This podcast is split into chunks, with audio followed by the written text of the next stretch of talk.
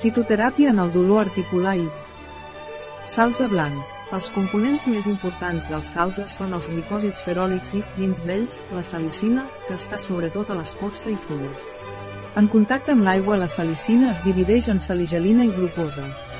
Quan aquesta saligelina s'oxida, dona lloc a àcid salicílic, que és la base de l'àcid acetilsalicílic, aspirina, SUC blanc Les propietats que té el salze blanc, salix alba, per combatre el dolor, es deuen a la presència de la salicina, que és un glucòsid beta antiinflamatori. La transformació de la salicina en àcid acetilsalicílic es produeix al fetge mitjançant una reacció enzimàtica.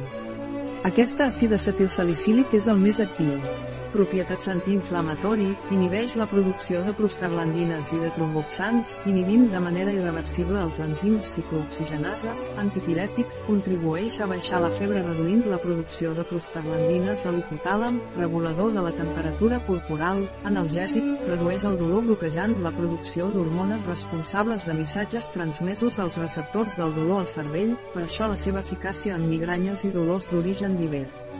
Efectes secundaris i contraindicacions sensibilitat als salicilats, úlcera pèptica activa tercer trimestre de l'embaràs i la lactància, molèsties gàstriques i al·lèrgiques, augmenta l'efecte dels anticoagulants. Precaucions a tenir en compte en el cas dels salicilats, les reaccions d'hipersensibilitat són relativament freqüents. A més, la part de la població anticoagulada és força gran. Aquests productes augmenten l'efecte dels anticoagulants, per la qual cosa aquests pacients han de tenir una cura especial. Hi ha productes comercialitzats de l'escorça de salix alba que conté fins a un 50% de salicina, que finalment es metabolitza en àcid acetilsalicílic. S'estima que 240 equivalen a 50 d'aspirina. De vegades pot produir angioedema a biofarma, es pot trobar salsa blanca en infusió, crema, comprimits. Un article de Catalina Vidal Ramírez, farmacèutica, gerent de Biofarma, és.